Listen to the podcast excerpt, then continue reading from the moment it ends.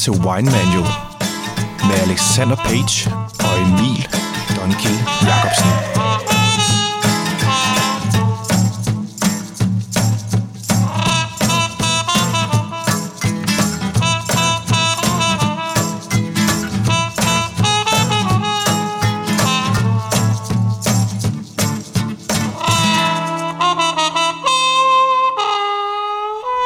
Ja, tak og tobak. Ej, det er dumt, ikke? Jo. Velkommen til Wine Manual, Danmarks vinskole på podcast, som øh, skal gøre dig til en vinekspert. Ja, I sidste uge, der gennemgik vi jo Norditalien. Det var øh, det legendariske Piemonte og danskernes favoritområde, Veneto, som vi var inde på. men i dag så, øhm, så rejser vi sgu lidt længere sydpå i det her støvleland. Og vi skal smage os igennem vine fra Toscana og Lazio, og kommer også noget fra øen Sicilien. Ja, og vinene fra det, det her såkaldte Mellemitalien, det er lidt anderledes i forhold til vinene fra nord, som vi snakkede om sidste uge. For her der er det alt for varmt til at gro øh, Nebbiolo-druen. I Toscana, så er det nationaldruen Sangiovese, som dominerer. Ja, vi kan lige så godt komme i gang og snakke lidt om Toscana. Det er jo et af de absolut smukkeste landskaber i hele Europa, og det er også den største vinregion i Italien. Der har de her smukke grønne bakker og oliventræer overalt. Og det er ret optimalt, fordi et foråret, det kommer ret tidligt, og sommerne de er varme og masser af sol, helt fra tidlig om morgenen til om aftenen. Ja, man ser ofte de her castelloer, eller villaerne, som man, som man øh, kalder vingården i Toscana. De står sådan placeret på, på toppen af bakkerne, og så langs skråningerne, så vokser øh, alle de her vinstokke og cypresstræer. Ja. ja, man kan jo ikke nævne Toscana uden at snakke om Chianti. Det er nok den mest dominerende vinregion i Toscana. Og det er en region, som omfatter de her otte såkaldte underzoner, hvor at Chianti Classico især er den mest populære. Og øhm, alle de her otte underzoner, de har DOCG-status. Og cirka 16% af Italiens vine, øh, som har DOCG-status, de kommer altså fra Chianti. Og i Chianti, der laver man primært rødvin på Sangiovese-druen, men man laver også øh, en anelse af Canaiolo-druen og Cabernet Sauvignon, Merlot og Syrah. Ja, så lidt af det franske er også kommet, kan man sige, snede sig ind i Chianti-vinene. Ja, Og faktisk har det siden 2006 været forbudt at bruge hvide druer i Chianti Classico, som er den mest populære. og når du tænker Chianti, så er der måske noget, der ringer en klokke, og du kender jo nok, eller måske har hørt om, bastflasken. Ja, Altså den her form for et flettet træskørt til, til flaskerne, Ja. som på en måde er ret genial. ja fordi det, det var jo, kan man sige, med vilje, at den havde den her træskørt, fordi i gamle dage, så øhm, gjorde man den her bast våd, og så satte man det op på flasken og stillede den udenfor, hvor at, øh, bare en lille let brise kunne ramme ind på den her våde bast og ligesom køle vinen. Ja, italienerne kalder det faktisk en øh, fiasco-flaske, øh, som vi i Danmark har bare valgt at omdøbe til Chianti-flasken. Men i dag så benytter man øh, den helt klassiske Bordeaux-flaske, den høje og slanke, som vi alle kender. Og øh, det var jo en flaske, som blev introduceret af den meget kendte vinmager Piero Antinori. Ja, det er jo ret sjovt, fordi at Antinori, han har i rigtig mange år kæmpet mod de italienske vinmyndigheder og de her konservative vinmager i Toskana. Og han vil gerne øh, gå ind og forny karantinen, så den kunne blive sådan lidt mere moderne og opfylde de her krav, som forbrugerne over verden lige pludselig begyndte at stille. Og han vil så gå ind og reducere indholdet af grønne druer, altså det her er tilbage i 70'erne.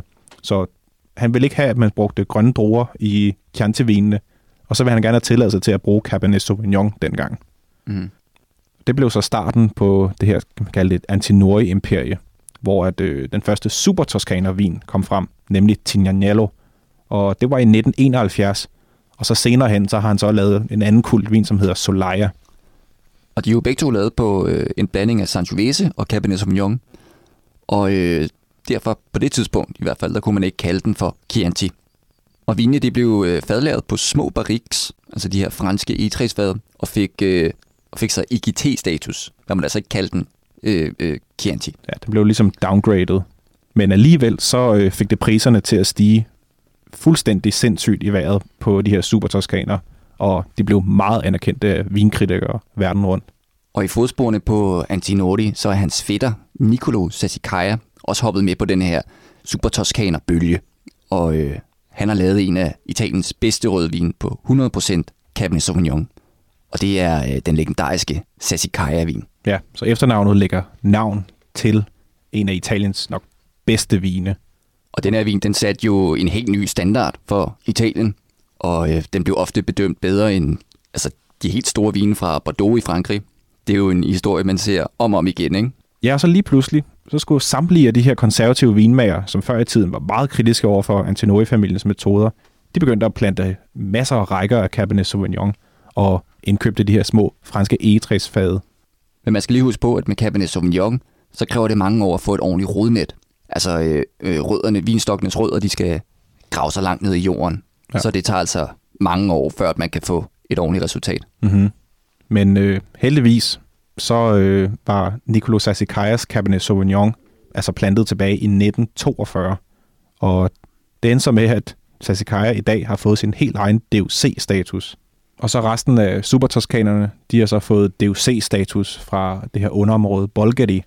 Og så er der nogle af dem, som har beholdt deres IGT-titel, ligesom Tignanello stadig har i dag. Og så er vi kommet til Brunello di Montalcino. Og øh, Brunello, det betyder den lille mørke. Ja, den her Brunello-droge, eller Sangiovese-klon, den er blevet skabt af ønologen Ferruccio Biondisanti. Og øhm, det er selv i dag hans familie, som driver ejendommen Il Grepo, og de laver nogle af Italiens bedste Brunelloer. Ja, flere af deres øh, reserveudgaver siges jo at kunne holde i mere end 100 år. Ja, meget imponerende. Og de har i mange år domineret øh, Brunello-området ved at lave de bedste vin. Men øh, sidenhen der er der altså kommet masser af konkurrence til området fra øh, blandt andet det amerikanske ejet Castello Banfi, som mm-hmm. har pumpet millioner af dollars i altså, helt nyt, moderne, high-tech vinudstyr. Altså både på marken og i vinkælderen. Ja, det, selvom det er sådan en millioninvestering, så øh, har det allerede både frugt af sig, og de har virkelig opnået en, en stor Brunello-kultstatus med deres vine øh, i ellers en meget velrespekteret og konservativt område. Brunello, det kan godt være ret dyrt, men øh, hvis budgettet det er begrænset, så kan man vælge at drikke øh, vinene fra DOC-appellationen Rosso di Montalcino. Og det er jo også lavet på øh, ren Sangiovese, mm-hmm. og det giver en ret god fornemmelse af, hvad det er, Brunello kan. Det er meget den samme stil. Ja, så hvis man gerne vil have en lidt fornemmelse af storebroren Brunello, så øh, drik noget Rosso di Montalcino, fordi det kan du få til en brøkdel af prisen for en Brunello. Ja, lige præcis. Og hvis vi hopper videre fra Brunello til et andet meget kendt område, det er Vino Nobile di Montalcino. Det er endnu et DOCG-område fra Toscana. Og vinen herfra, den produceres i nærheden af byen Montepulciano. Og øh, Montepulciano, det er også en droge sort, men det er ikke noget, de bruger øh, her i området. Så du skal passe på ikke at, at blande de to ting sammen. Mm-hmm. Og øhm, det er også lavet på Sangiovese, og øhm, så en lille smule af de grønne druer. Og vinene herfra, de er både bløde og cremede, og har sådan en meget fin og let duft af noget cedertræ. Ja, de skal helt strikkes øh, unge inden for øh, 6-8 år. Ja, og vinene, de, øh, det er først frigivet to år efter, de er blevet lavet fra vineriet, og mange af deres øh, reserveudgaver, de skal helst frigives efter tre år, rent lovgivningsmæssigt. Og et billigere alternativ til vinene herfra, det er Rosso di Montepulciano. Så det er ligesom i Brunello, hvor man bare siger Rosso, og så efterfulgt af området. Ja, og hvis du godt kunne tænke dig at smage nogle hvidvin fra Toscana, så skal man desværre lede lidt efter det, fordi det er det røde, som er dominerende og populære her. Men øh, der produceres nogle få hvidvin øh, fra det her område, nu skal vi passe på med udtalen, Vernaccia di San Gimignano. Mm, ja, det tror jeg. Det lyder rigtigt i hvert fald. Ja, det lyder fint nok, ikke? Og det er lavet på dronen, som også er opkaldt efter området Vernaccia, og de fik DOCG-status tilbage i 1993. Og øh, når vinen den er bedst, så er den frisk og tør, med noter af nødder, honning og tørrede frugter. Og de kan også være lidt øh, oxideret. Ja, det er også et område, som laver Italiens eneste hvide reservevin. Og hvis vi snakker årgang i øh, Toskana, mm-hmm. så kan vi nævne nogle øh, rigtig gode nogle af slagsen. Ja, nogle super årgange, kan man kalde det. Og det er jo øh, 2015 blandt andet. Ja. Det er en ny årgang. Det er noget, man skal købe nu. Og hvis du er heldig, kan du også finde noget øh, 2006. Ja, og så den endnu mere legendariske årgang, 1997. Ja, og 1990. Ja, 1990 var også skide godt. Men vi sidder jo og drikker nogle forskellige vine, mens mm-hmm. vi sidder og snakker her, og vi har jo fået en Chianti øh, tilsendt. Ja. Det er jo uundgåeligt, kan man sige, ikke? Jo, vi bliver nødt til at smage det.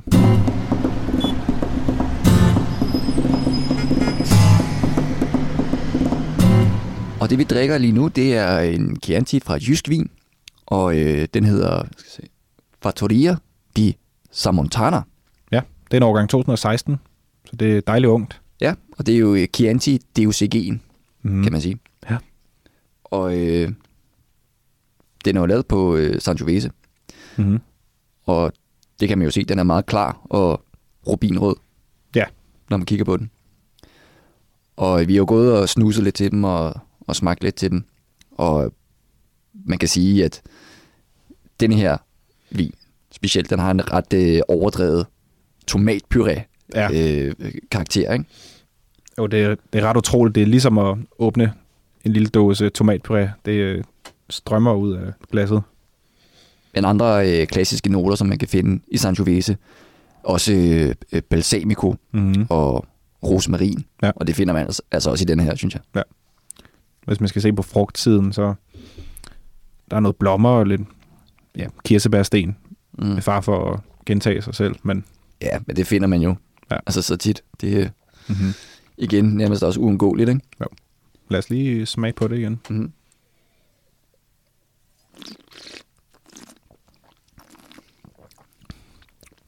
Ja. Ja. Klassisk. Klassisk Chianti. Ja, synes jeg også. Altså masser af syre, mm. Mhm. det finder du tit i Chianti, rigtig i fremtræden. Lidt ans sødme.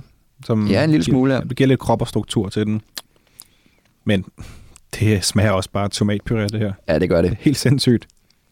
Har noget, øh, nogle lidt røde, syrerige bær, sådan noget tranebær, reps, Ja. lignende. Ja, ja. de syreholdige af slagsen. Mm-hmm. Men altså, det, er- jeg synes, det er ret godt fund til prisen. Den koster jo 100 kroner. 99,95, hvis du køber en, og så øh, har Jysk Vin et tilbud. Hvis du køber seks stykker, så kan du få den ned til 89,95. Så hvis du gerne vil prøve kræfter med Chianti, så er det altså et rigtig godt, øh, altså en god repræsentant Ja. til lige at lære, hvad, hvad det handler om. Jeg har det stadig lidt svært med Chianti. Jeg, jeg, det er sjældent, jeg får noget godt. Altså det, det, jeg, jeg boede jo engang i, i Bologna i Italien, Mm. og øhm, det var på udveksling i et halvt år. Der var det jo, at man tog i supermarkedet og købte de her Chianti til 5 euro stykket, og endte med at tage til fest og nærmest smide en ølbong ja. Og bare drikke det ud af. Så jeg er lidt skadet efter min tid i Italien. Jeg, ja. Ja. har, jeg har det svært med Chianti. Og jeg tror, jeg lander på omkring 87 point på den her. Ja, altså, pal- altså paletten er lidt kedelig, synes jeg. Ja. Øhm, men den dufter, den dufter sgu meget godt. Det er en sjov vin at dufte, Mhm. mm. i hvert fald. Ikke? Jo, jo. Den, øh, man er ikke i tvivl om, at den kommer fra Italien. Men jeg bliver sgu lidt træt af at drikke det. Men fint glas, og meget beskrivende for Chianti-området. Når man ser på de helt store spillere af kan man sige, vinområdet af Italien, som dækker over Piemonte og Toscana, så har vi jo også Sicilien, kan vi sige, øen syd i Italien. Du kan nærmest kigge over på Afrika. Ja, det er den største ø i, i hele Middelhavet. Og øhm, det er ret sjovt, fordi det er jo sådan lidt et, et mafia-område, som man forbinder med Sicilien og Palermo, som er hovedbyen på Sicilien. Og øhm, de er ret ligeglade med Italiens øh, DOCG-system. Det er der meget få, der benytter sig af. De laver vin og skal ikke rigtig have nogen rank eller status. Nej, de laver rigtig, rigtig meget vin. Det gør de. Og de kæmper med det andet område, Puglia, Mm-hmm. om, øh, om at lave mest vin og, og tjene flest boks. Ikke? Jo. Hvis du ser i især i vinmarkedet i Danmark, så øhm, begynder Sicilien stille og roligt sit indtogt i markedet. Og på Sicilien, hvor man laver rigtig meget vin, så er det jo også rød og hvid, der bliver produceret. Hvor at især de røde er meget interessante og høj kvalitet for nogle af de gode producenter. Og det er lavet på dronen Nero d'Avola. Det finder du også ofte skrevet på etiketten, fordi det, øhm, sicilianerne de betragter den lidt som en gave fra Gud, altså vinens Gud. Og øhm, det er præcis det, som alle internationale øh, kunder også gerne vil have. Den øh, giver den her mørke og intense, tætte vin, som har masser af saftig frugt og relativt høj alkoholprocent også. Og Sicilien er jo kendt for de her meget kraftige øh, alkoholrige vine. Og vi sidder også øh, med en vin lige nu. Mm-hmm. Den er ikke lavet på Neo d'Avola til gengæld, men den er lavet på 100% Syrah. Ja. Dansk produceret endda. Dansk produceret. Det er en dansk øh, herre, der har lavet den. Ja. Peter Vending Diers, som er den meget kendte vinmager Peter Siseks onkel. Altså Peter Sisek, som laver den kendte Pingus i Ribera del Duero i Spanien. Og vi har to vine fra øh, Sicilien her foran os. Mm-hmm. Og øh, den, vi holder lige nu, det er, øh, som du sagde før, Peter Vending Dias' øh, øh, Monte Carubo. Ja. Og det er en øh, 2017. Mm-hmm. Lavet på 100% Syrah. 100% Syrah, ja. Ja. Og den er jo, øh, den er jo klar, kan man sige, og altså, dyb rubinrød, Ja, som øh, Syrah meget- skal være nærmest. Den er meget mørk i. Ja. i glasset. Og igen, vi har gået og duftet lidt til de her øh, tre forskellige vine, Mm-hmm. og øh, den her, den er altså intens. Det er sådan hele jordbæris-agtig. Ja, helt klart. God moden frugt, øh, syltede blommer, brumbærmarmelade, sådan en anelse karamel Ja. efternote. Det er virkelig, øh, virkelig kraftigt. Altså, det er, øh, det er slik nærmest, ikke? Mm-hmm. Flydende slik. Lad os smage på det.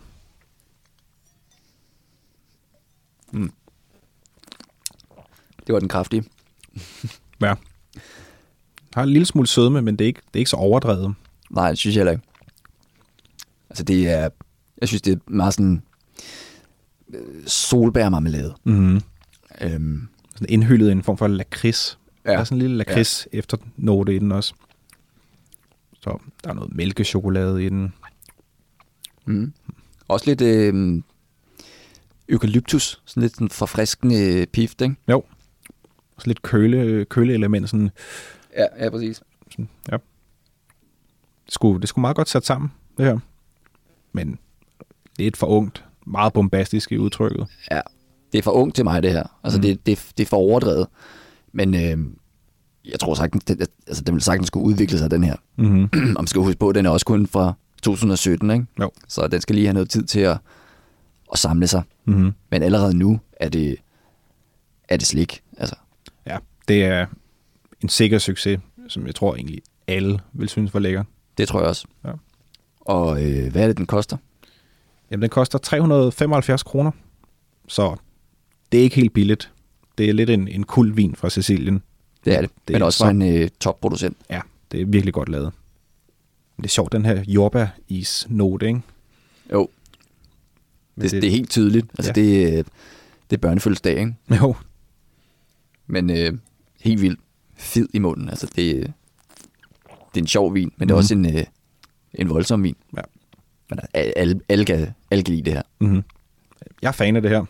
Det, det er Syrah på den rigtig gode måde. Ja, ja, helt klart. Det, jeg, jeg er 92 point på den her. Er ikke lige så højt op. Nå.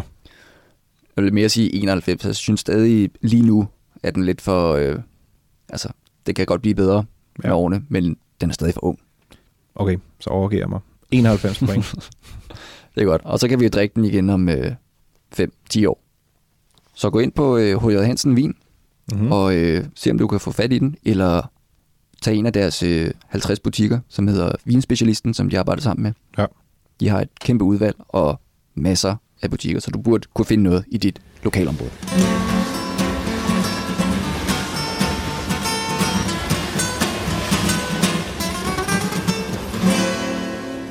Sicilien det er jo en vulkanø, altså en ø, som er skabt ud fra vulkanen Etna, meget kendt vulkan. Og øhm, det kan ofte smages i mange af vinene også. Det har sådan lidt mineralske, øhm, røde og svoglede noter, som er ret lækkert. Mm. Især deres øh, hvidvine, som øh, er lavet på Chardonnay, som vokser op af vulkanen. Det smager sindssygt godt, og der kan du virkelig smage, det er en, en vulkanvin. Og vinmagerne på Sicilien, de er faktisk en anelse eksperimenterende.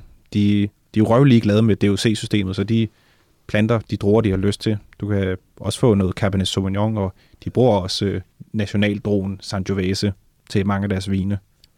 Ja, og Shiraz, som vi lige har smagt, ikke? Jo. det virker jo fint. Ja, det er fantastisk klima, meget, meget varmt, og det, det er jo et ret hyggeligt folkefærd, det her Ølands folkefærd.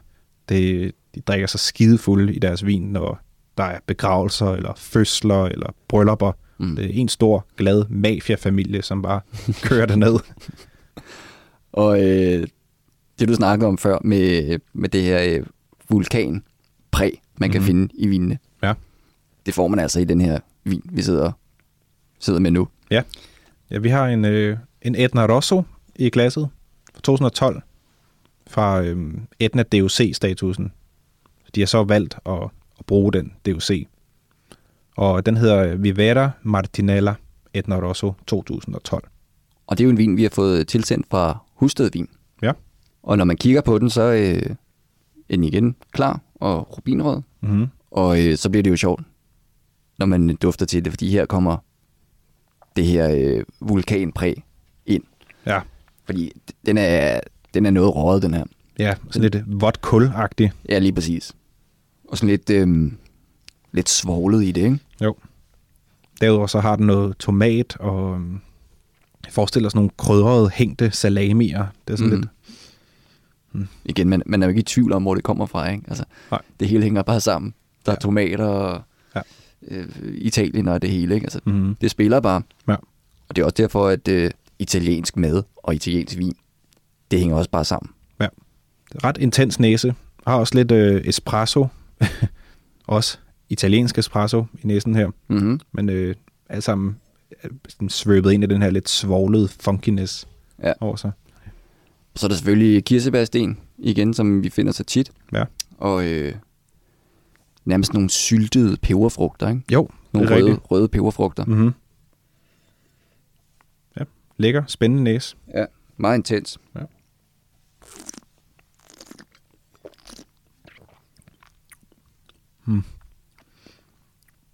Fin fylde. Mm-hmm. Der er sådan en dejlig balance mellem syren og sødmen i den her også. Ja. Hvad er det for en frugt? Det er sådan dominerende. Jeg synes, det er det der rød peberfrugt igen. Ja, det er også lidt, lidt blomme. Ja. Det er også en, en note, man finder tit i de her varme vine, ikke? Mm-hmm. Sådan modne blommer. Ja. Men uden at være øh, kogt eller noget. Ah, nej. Det kan godt være lidt ulækkert, når det bliver sådan helt... Ja, den er ikke helt overmoden og sød i det. Nej, nej, slet ikke. Har en dejlig friskhed stadigvæk. Det er ikke nogen vin, som er helt sindssyg. Altså, Ej, jeg synes, den mangler lidt personlighed. Ja. Man finder tit de her vine, øh, altså også andre steder i verden, ikke? Altså, hvor det bare er power, Mhm. kraft, Ja. øh, masser af alkohol.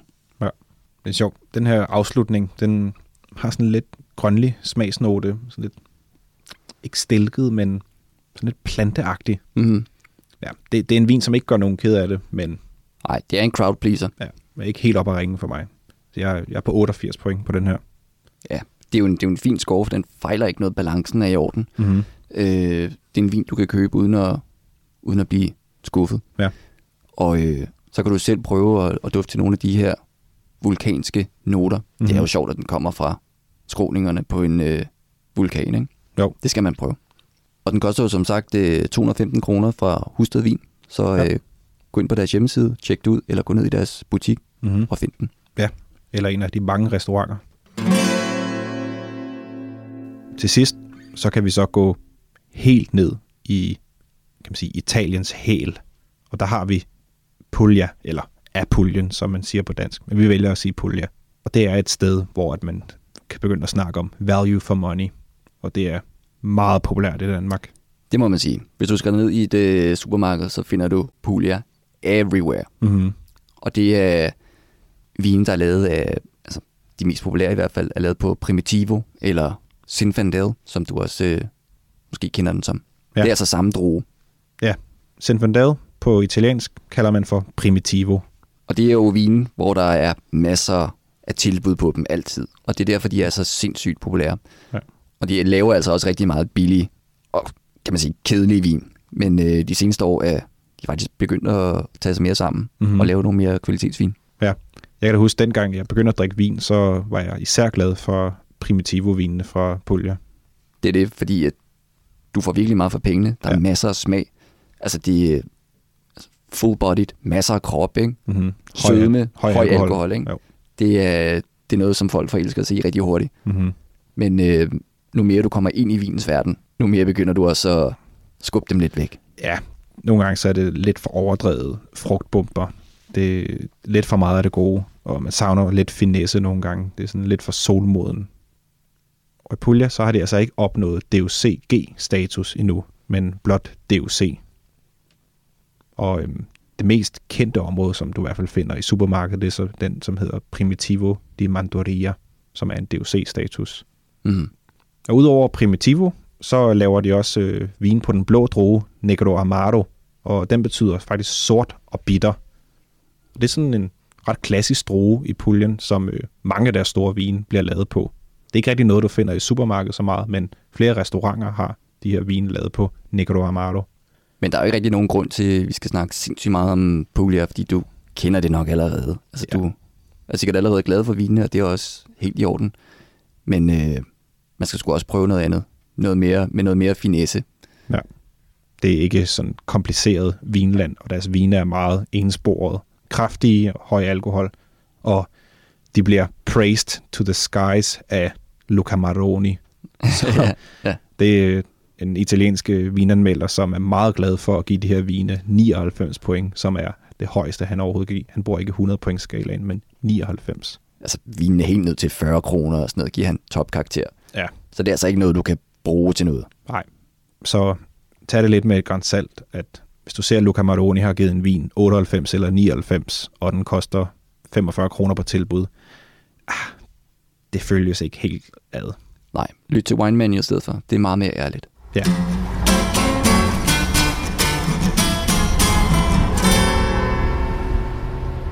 Et andet ret kendt vinområde, som hedder Emilia Romagna, som har Bologna som hovedby, altså den by, som jeg boede i et halvt år. Mm. De er jo, øh, udover at være verdenskendte for parmaskinke og parmesanost og balsamico-eddike, så øh, har de jo den her vin, som hedder Lambrusco. Og det er en muserende rødvin.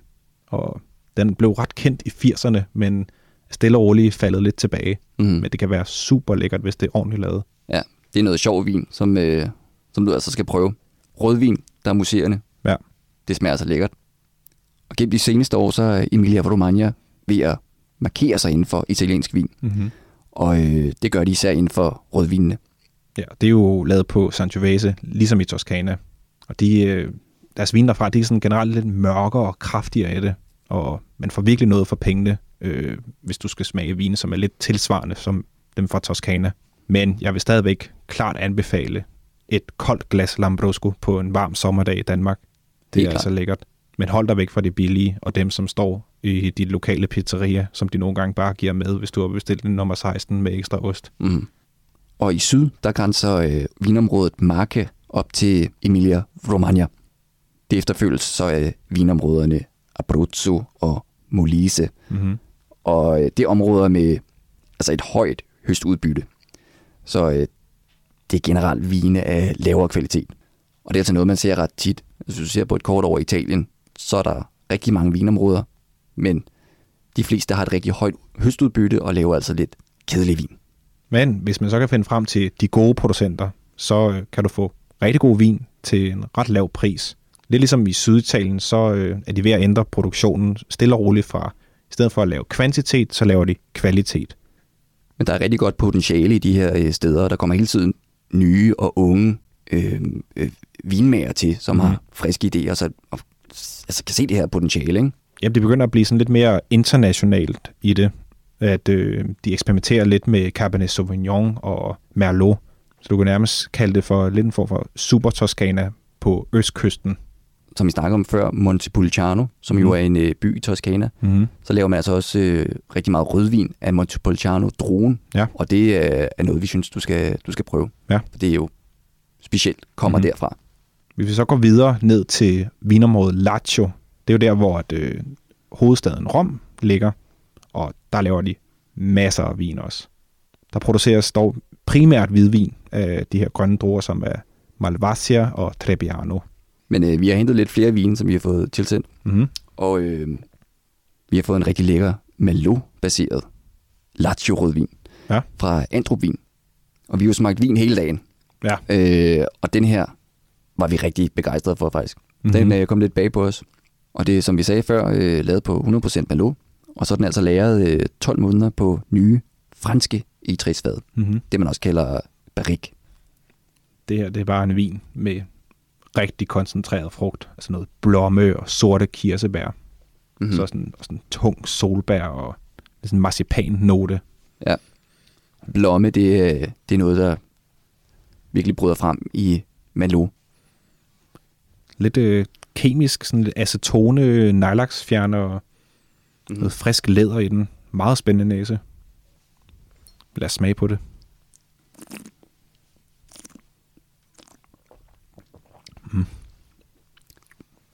Jeg får lidt rosin i det lige, når det kommer ind. Mm-hmm. Det er noget, jeg, som jeg siger tit, som du ikke får lige så meget. Nej, jeg synes ikke, den er ikke helt tørret nok til at være rosin. Jeg er mere over i noget, noget blåbær her, og måske lidt rød peberfrugt. Mm-hmm.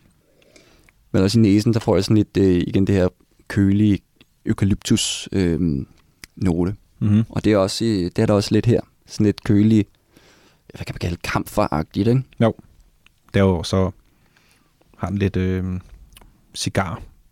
Sådan noget cigartobak over sig. Mm-hmm. Lidt, øh, lidt røget og ristet i det. Men det er en vin, når du får den ind.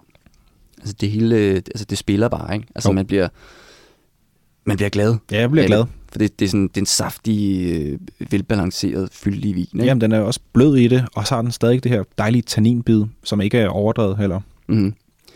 Ja, for Malo er jo også kendt for at være en mere blød drue, ikke? Jo. Den kan tit sammenlignes med Cabernet Sauvignon, som er mere rå i det. Men øh, Malo er mere blød, blommeagtig, chokoladeagtig. Mm-hmm. Men altså, ja, super velbalanceret. Ja. Og øh, du kan få den nede i øh, Andrup Vin. Der Mhm. mm. koster den øh, 199. Ja. Jeg giver den 91, den her. Det er også det, jeg har skrevet. Mm-hmm. Jeg synes, det er virkelig godt glas. Det er øh, Merlot fra Lazio. Det kan de sgu godt finde ud af.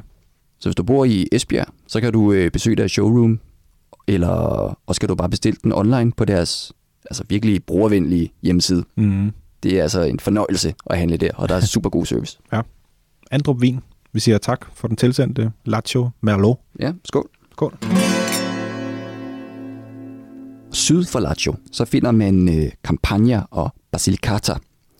Og det er her rødvin fra Aglianico, som øh, dominerer. Mm-hmm.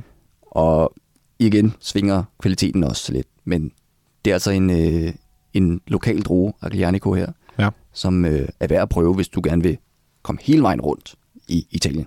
Mm-hmm. Men Italien, det er jo et kæmpe land. Men øh, der er desværre også rigtig mange områder, som ikke øh, tager det helt seriøst med Mhm. mm-hmm. kvalitetsvinene. Nej. Altså kæmpe potentiale. Super lækker klima ja. og det hele. De udnytter bare, ikke? Nej. Og øh, det er også noget, man kan se i øh, Calabria for eksempel. Mm-hmm. Mm. Øh, hvad kan man sige? I, i solen af... Ja, støvleformet Altså, areal. Ja, præcis. Ikke? Hvis du kan forestille dig det. Mm-hmm. Altså, der er jo også et kæmpe potentiale for at lave altså, god kvalitetsvin. Men igen, det er jo meget hurtigere, eller meget hurtigere og lettere at lave penge med et stort høstudbytte, ikke? hvor du Jo. bare kan sende det ud, og det bliver købt, og folk drikker det og er glade. Ikke? Ja, desværre. Business, det vinder over kunsten og det her fine håndværk. Og hvad kan vi ellers snakke om? Hvis jeg lige prøver at forestille mig Ita- Italien her. Sardinien, øen Sardinien, vestfra. ja. Ja. Ja, for fanden. Øh, det er jo den næststørste ø i, øh, i Middelhavet, Mm-hmm. udover Sicilien. Sicilien, ja. Og øh, ja, der laver man jo vin øh, lavet på mere spanske metoder, kan man sige. Det er jo mm. Mm-hmm.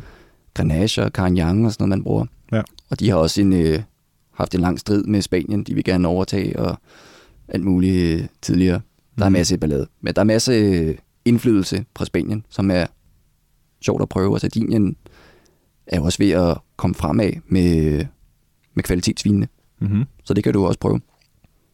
Noget, jeg egentlig lidt har tænkt over.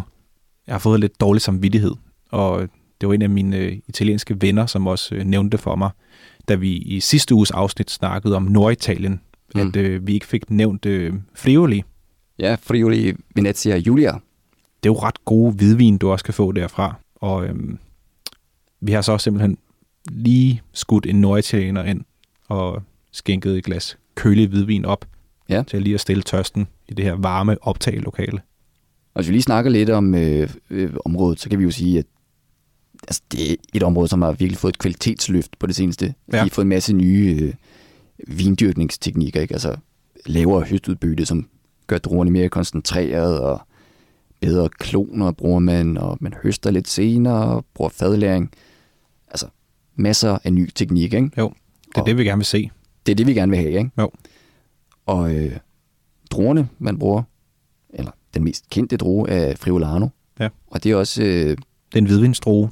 Det er en hvidvinsdrue, ja, en grøn drue. Ja. Og det er også det, vi har i glasset nu. Den minder lidt om Sauvignon Blanc. Jeg tror også, den er en, en nær slægtning til Sauvignon Blanc. Og Sauvignon Blanc er noget, alle kan lide, og det her kan man altså også godt lide. Mm-hmm. Og det, vi har i glasset, det er øh, en vin fra Husted Vin. Mm-hmm. Den hedder Vigna Lenuzza Friulano Colli de Orientale del Friuli. Hold kæft et navn. Ja. Og det er også en øh, økologisk vin, ikke? Jo. Når man dufter til det her, så er den altså rigtig aromatisk. mm-hmm. Altså, den har sådan den her søde hyldeblomst og kiwi, ikke? Jo. Der er også lidt nedfaldsfrugt og også lidt øh, valnød, eller nødet præg. Mm. Dufter meget frisk, lækker, men sindssygt aromatisk. Ja. ja. Lad os smage. Mm. Mm. Dejlig, lidt prikkende syre.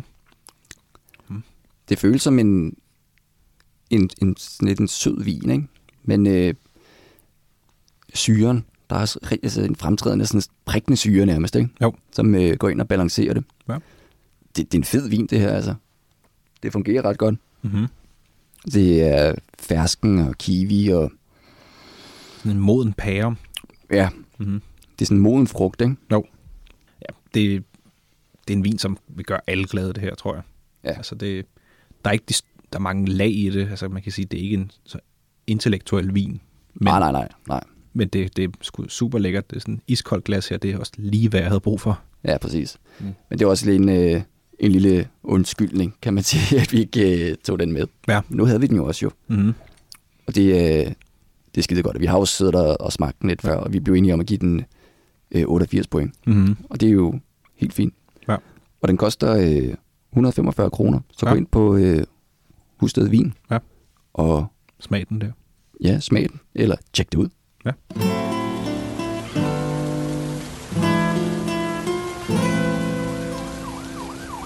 Og det var så alt, vi havde at sige om øh, Italien. Mm-hmm. Det er jo et spændende land, men også øh, et land med rigtig mange områder, som ikke er øh, sindssygt øh, interessante. Nej, vi har været nødt til at skære lidt til og snakke om det, som kan man sige, måske lidt, vi finder interessant. Ja, og som I nok også kommer til at synes er interessant. Ja. Og vi kommer til at gå meget mere i dybden med de forskellige kendte områder, Mhm. mm-hmm. også de mindre om- områder, men Ja. måske lidt længere ud i fremtiden. Ja. Så vi kan nørde rigtig meget igennem med det. Og næste uge, så skal det jo så handle om Spanien. Mm. Det er jo også et øh, kæmpe land ja, med rigtig mange til. muligheder. Ja. Ja. Så øh, vi ses i næste uge.